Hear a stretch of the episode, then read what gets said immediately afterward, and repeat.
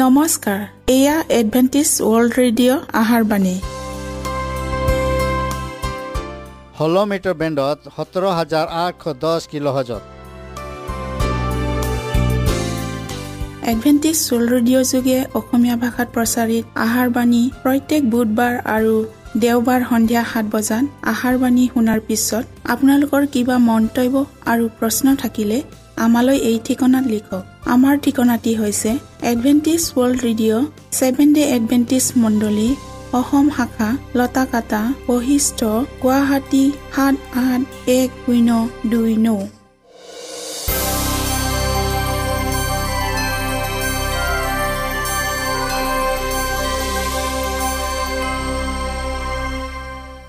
প্ৰিয় শ্ৰোতা বন্ধুসকল এতিয়া শুনো আহক এটি খ্ৰীষ্টীয় ধৰ্মীয় গীত।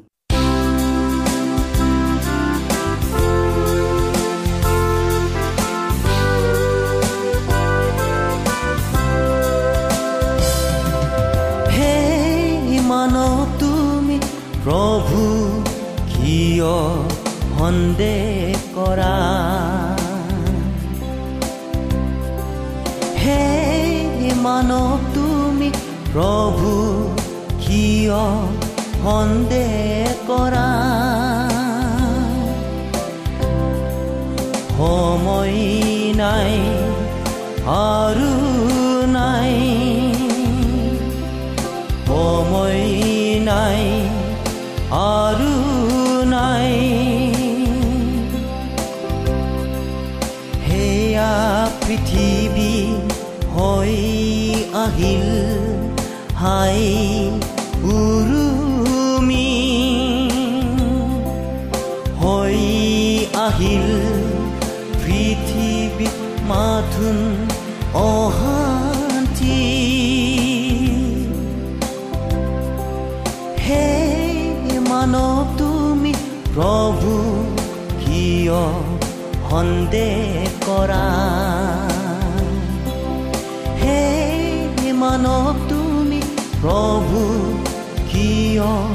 সন্দেহ কৰা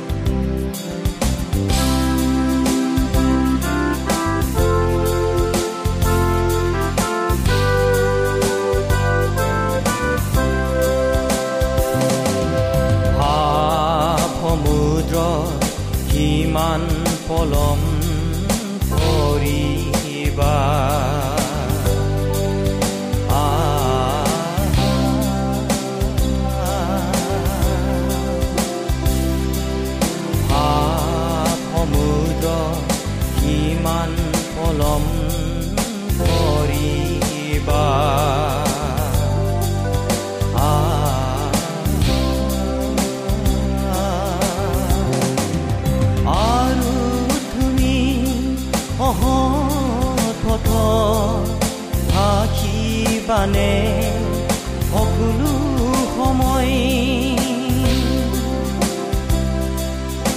আৰু তুমি অহত পথ থাকিবানে সকলো সময় ঘিনলগীয়া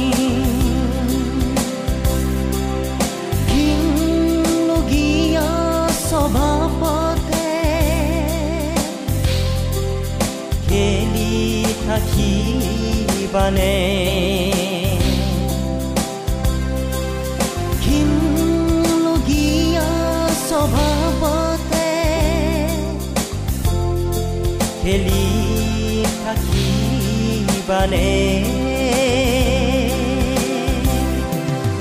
হে মনক তুমি প্ৰভু কিয় সন্দেহ কৰা?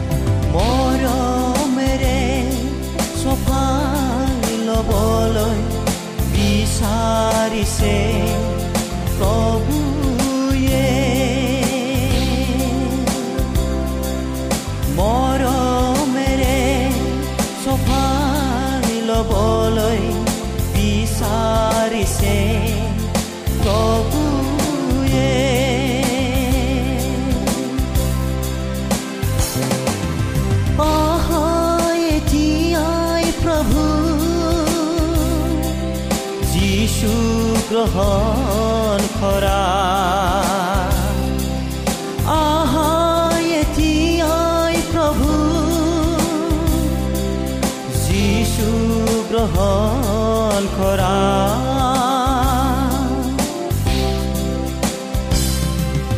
হে মানৱ তুমি প্ৰভু কিয় সন্দেহ কৰা। হে মানৱ তুমি প্ৰভু কিয় সন্দেহ কৰা।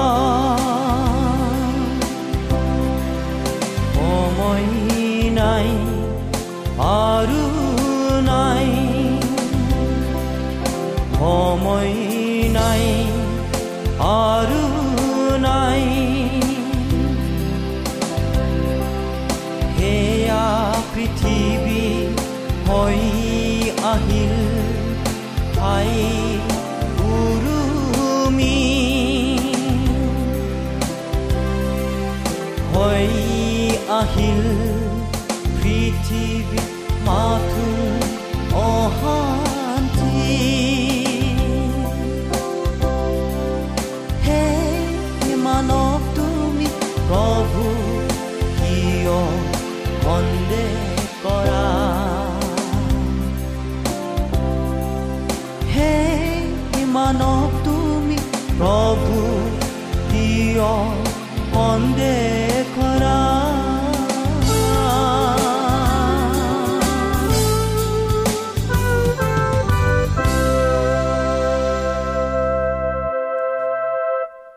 প্ৰিয় শ্ৰোতা বন্ধুসকল আহক আমি খন্তেক সময় বাইবেল অধ্যয়ন কৰোঁ হওক।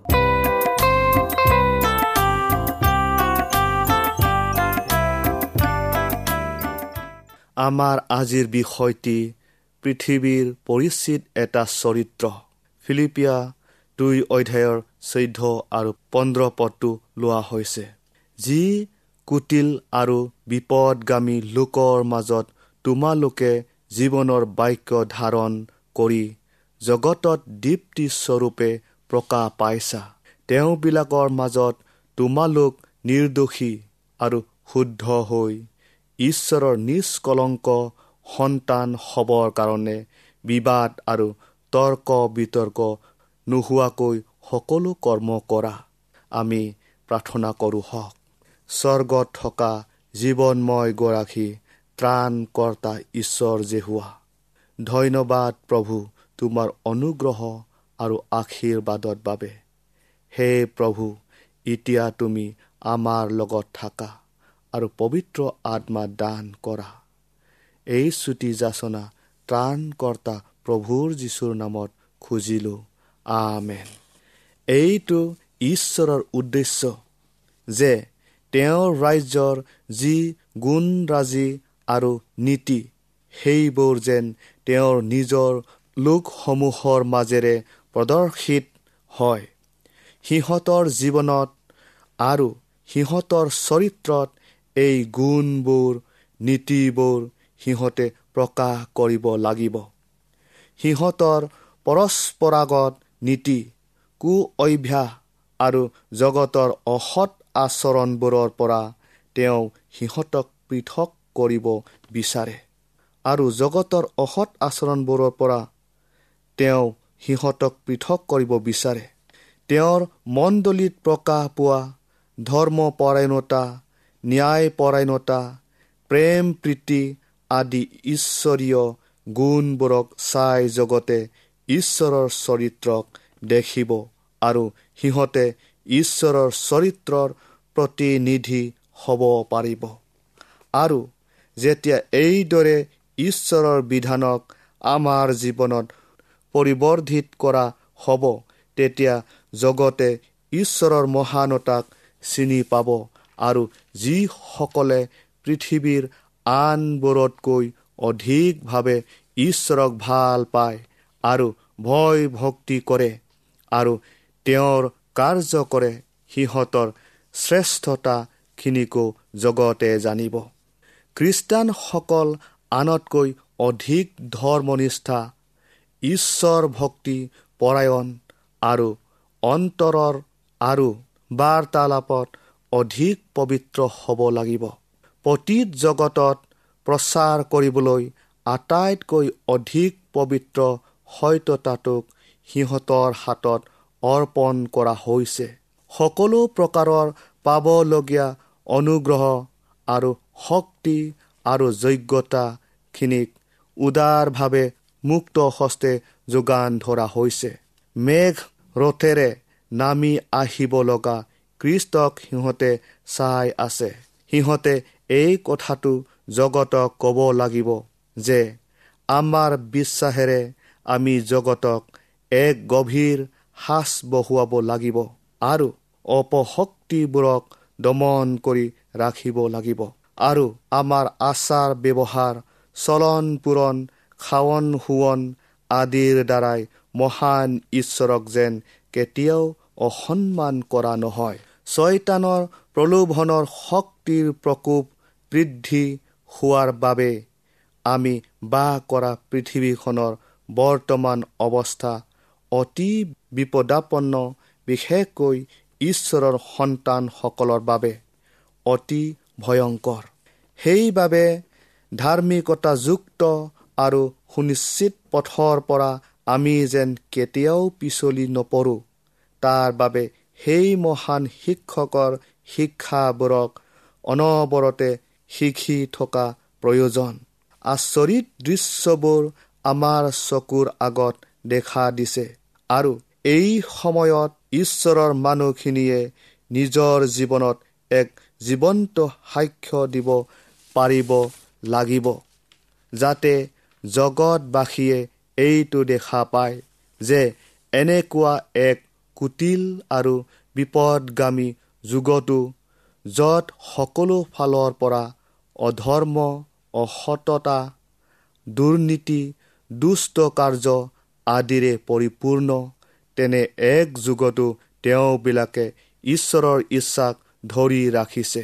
ঈশ্বৰৰ বিধান মানিব পাৰিছে। তেওঁবিলাকৰ চিত্ৰত যে ঈশ্বৰৰ বিধান লিখা হ'ল তাক তেওঁবিলাকে দেখুৱাব পাৰিব লাগিব। তেওঁবিলাকৰ চিন্তাধাৰা পবিত্ৰ হ'ব লাগিব। তেওঁবিলাকৰ কথা বতৰা নম্ৰ বিনয়ী আৰু উৎসাহজনক হ'ব লাগিব। কৃষ্টৰ ধৰ্মটো তেওঁবিলাকৰ হাতে কামে কথাই বতৰাই স্বভাৱে চৰিত্ৰই চলনে পুৰণে খাৱনে শোৱনে সকলো ক্ষেত্ৰতে প্ৰকাশিত হ'ব লাগিব। তেওঁবিলাক পবিত্ৰকৃত পৰিশুদ্ধ ধাৰ্মিক পবিত্ৰ মানুহত পৰিণত হ'ব লাগিব।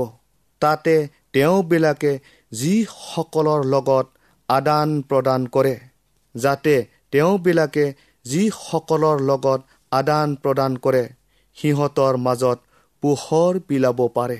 নিজৰ জীৱনৰ আদৰ্শৰে যেন তেওঁবিলাকে পৰম সত্যতাটোক দেখুৱাই দিব পাৰে। আৰু জগতৰ মানুহে যেন তেওঁবিলাকৰ এনে সৎ আচৰণ এনে গুণৰাজি দেখি বাহ বাহ দিব পাৰে। আমাৰ ঈশ্বৰৰ উদ্দেশ্য এয়াই এইবোৰ দিবলৈ খ্ৰীষ্টৰ অনুগ্ৰহখিনিয়ে যথেষ্ট। মাত্ৰ আমি তেওঁৰ ইচ্ছাৰ নিচিনাকৈ চলিবলৈ বাধ্য হ'ব লাগিব। দ্বিতীয় কৰিন্থিয় তিনি অধ্যায়ৰ দুই পদটো আমি চাওঁ হওক। আমাৰ হৃদয়ত লিখা আৰু সকলো মানুহে জনা পঢ়া আমাৰ পত্ৰ তোমালোকৈ হৈছা। চৰিত্ৰৰ পৰিৱৰ্তন হোৱাৰ অৰ্থ কৃষ্টৰ প্ৰেম। সেই চৰিত্ৰত বাস কৰা আৰু এনে চৰিত্ৰহে জগতত সাক্ষ্য দিবলৈ সমৰ্থ। তেওঁৰ লোকসকলে যেন কলংকিত চৰিত্ৰৰ ওপৰত প্ৰভাৱ বিস্তাৰ কৰি তাক সলনি কৰি দিবলৈ সমৰ্থ হোৱা অনুগ্ৰহৰ শক্তিক প্ৰদৰ্শন কৰিব পাৰে তাক প্ৰভুৱে আকাংক্ষা কৰে। এই অনুগ্ৰহৰ কৃপাতে চৰিত্ৰ সুগঠিত হয় আৰু অধিক ফলৱান হয়। কিন্তু ঈশ্বৰৰ উদ্দেশ্য কাৰ্যকৰী কৰিবলৈ আমাৰ বাবে নিজকে প্ৰস্তুত কৰাৰ অন্য এটা কৰিবলগীয়া কাম বাকী আছে। ঈশ্বৰে আমাক আদেশ দিছে আমি যেন স্বাৰ্থপৰতাৰে ভৰি থকা আমাৰ হৃদয়খন খালী কৰি দিওঁ। কাৰণ এই স্বাৰ্থপৰতাই হৈছে অধৰ্মতাৰ মূল। তেওঁ উপচি পৰাকৈ আমাৰ ওপৰত পবিত্ৰ আত্মা বাকী দিব বিচাৰে। আৰু সেইবাবে আমাৰ হৃদয়ৰ পৰা সেই স্বাৰ্থপৰতা আৰু আত্মাগৰ্বী স্বভাৱটোক উলিয়াই হৃদয়খন পৰিষ্কাৰ কৰিবলৈ তেওঁ আমাক আদেশ কৰিছে। যেতিয়া অহং স্বভাৱটোক ঈশ্বৰৰ হাতত গতাই দিয়া যায় তেতিয়া আমাৰ চকু মুকলি হ'ব আৰু আমাৰ সন্মুখত থকা উজুতি হোৱা শিলৰ মূৰাবোৰক দেখিম। যি মূৰাবোৰে অখ্ৰীষ্টান চৰিত্ৰ দেখুৱাই আনৰো পথ বন্ধ কৰি ৰাখিছে। এই সকলোবোৰকে আঁতৰাই পেলাবলৈ ঈশ্বৰে আমাক আদেশ কৰিছে। তেওঁ এইদৰে কৈছে তোমালোকে সুস্থ হ'বলৈ ইজনে সিজনৰ আগত নিজ নিজ পাপ স্বীকাৰ কৰিবা আৰু ইজনে সিজনৰ কাৰণে প্ৰাৰ্থনা কৰিবা। তেতিয়া ডায়ুদৰ দৰে আমাৰো সেই দৃঢ় দৃঢ় বিশ্বাস বাঢ়িব। কিয়নো ডায়ুদে নিজৰ পাপ স্বীকাৰ কৰি এইদৰে প্ৰাৰ্থনা কৰিছিল। তোমাৰ পৰিত্ৰাণৰ আনন্দ মোক পুনৰাই দান কৰা আৰু উদাৰ আত্মা দি মোক ধৰি ৰাখা। তাতে মই অপৰাধীবোৰক তোমাৰ পথ শিকাম আৰু পাপীবোৰ তোমালৈ পালতিব যেতিয়া ঈশ্বৰৰ অনুগ্ৰহে আমাৰ ভিতৰখনক শাসন কৰি থাকে তেতিয়া বিশ্বাস আৰু হাঁহ আৰু কৃষ্টৰ প্ৰেমৰ এক বাতাৱৰণে আমাৰ আত্মাৰ চাৰিওফালে আগুৰি থাকে। এনে বাতাৱৰণত যিসকলে উশাহ নিশাহ লয় সিহঁতৰ আত্মিক জীৱন নিৰোগী তথা শক্তিশালী হয়। কৃষ্টৰ ক্ষমতাশীল প্ৰেমৰ ভাগি হোৱা প্ৰতিজন ব্যক্তি ঈশ্বৰৰ আত্মা দ্বাৰা শিক্ষিত হোৱা প্ৰতিজন ব্যক্তি আৰু সত্যতা গ্ৰহণ কৰা প্ৰতিগৰাকী ব্যক্তিয়ে নিজেই পোৱা বহু মূল্যৱান আশীৰ্বাদৰ বাবে সেইসকল ব্যক্তিলৈ চিৰকৃতজ্ঞ হৈ ৰ'ব যিসকলৰ যোগেদি তেওঁ এই আশীৰ্বাদ পালে। যিসকল হৃদয়ত নম্ৰ তেওঁবিলাকক প্ৰভুৱে এনে প্ৰাচুৰ্যতাৰে আশীৰ্বাদ কৰিব আৰু তেওঁলোকক নিজ কাৰ্যত ব্যৱহাৰ কৰিব যাৰ লগত অভিষেক কৰা পৰিচাৰকসকলেও সমক্ষ হ'ব নোৱাৰিব। তেওঁবিলাকে এনে উপদেশ দিব যি উপদেশ কৃষ্টৰ ত্ৰাণকাৰী অনুগ্ৰহক প্ৰকাশ কৰিব আৰু আনক আশীৰ্বাদ প্ৰাপ্ত কৰাৰ দ্বাৰা নিজেও আশীৰ্বাদৰ ভাগী হ'ব। প্ৰিয় শ্ৰোতা বন্ধুসকল ঈশ্বৰে আমাক এনে সুযোগ দিছে যেন আমি অনুগ্ৰহ বিলাব পাৰোঁ আৰু তেওঁ আমাক অসীম অনুগ্ৰহেৰে পুনৰাই পূৰ্ণ কৰিছে। ঈশ্বৰে আমালৈ প্ৰদান কৰা সুবিধা আৰু অতিভাৰ দ্বাৰা আমাৰ আশা আৰু বিশ্বাস অধিক শক্তিশালী হয়। আৰু ঈশ্বৰৰ কাৰ্য কৰিবলৈ অধিক অনুপ্ৰেৰণা পোৱা যায়। আমাৰে সৈতে একেলগে কাম কৰিবলৈ তেওঁ ঐশ্বৰিক অনুচৰ বৰ্গকো সাজু কৰি ৰাখে। ঈশ্বৰে আমাক সকলোকে আশীৰ্বাদ কৰক।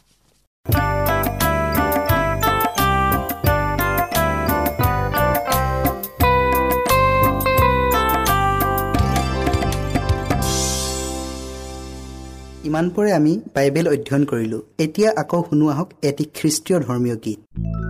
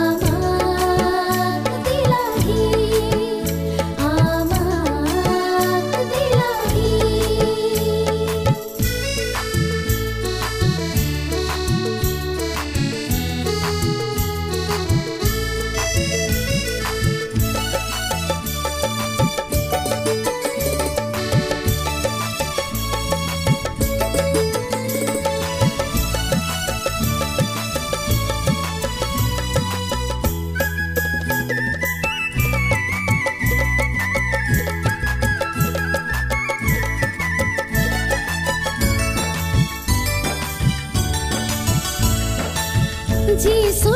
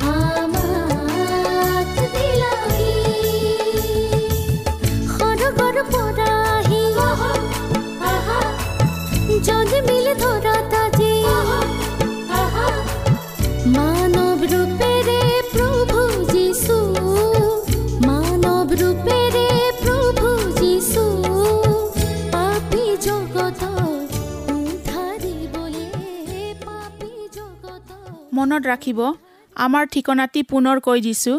Adventist World Radio' Assam region of seven day Adventist Voice of Hope Latakata Basistha Guwahati seven eight one zero' two nine প্ৰিয় শ্ৰোতা বন্ধুসকল এডভেণ্টিজ ৱৰ্ল্ড ৰেডিঅ' যোগে আহাৰবাণী প্ৰচাৰত আপোনালোকক পুনৰ লগ পোৱাৰ আহাৰে আজিলৈ সামৰিলোঁ। ধন্যবাদ।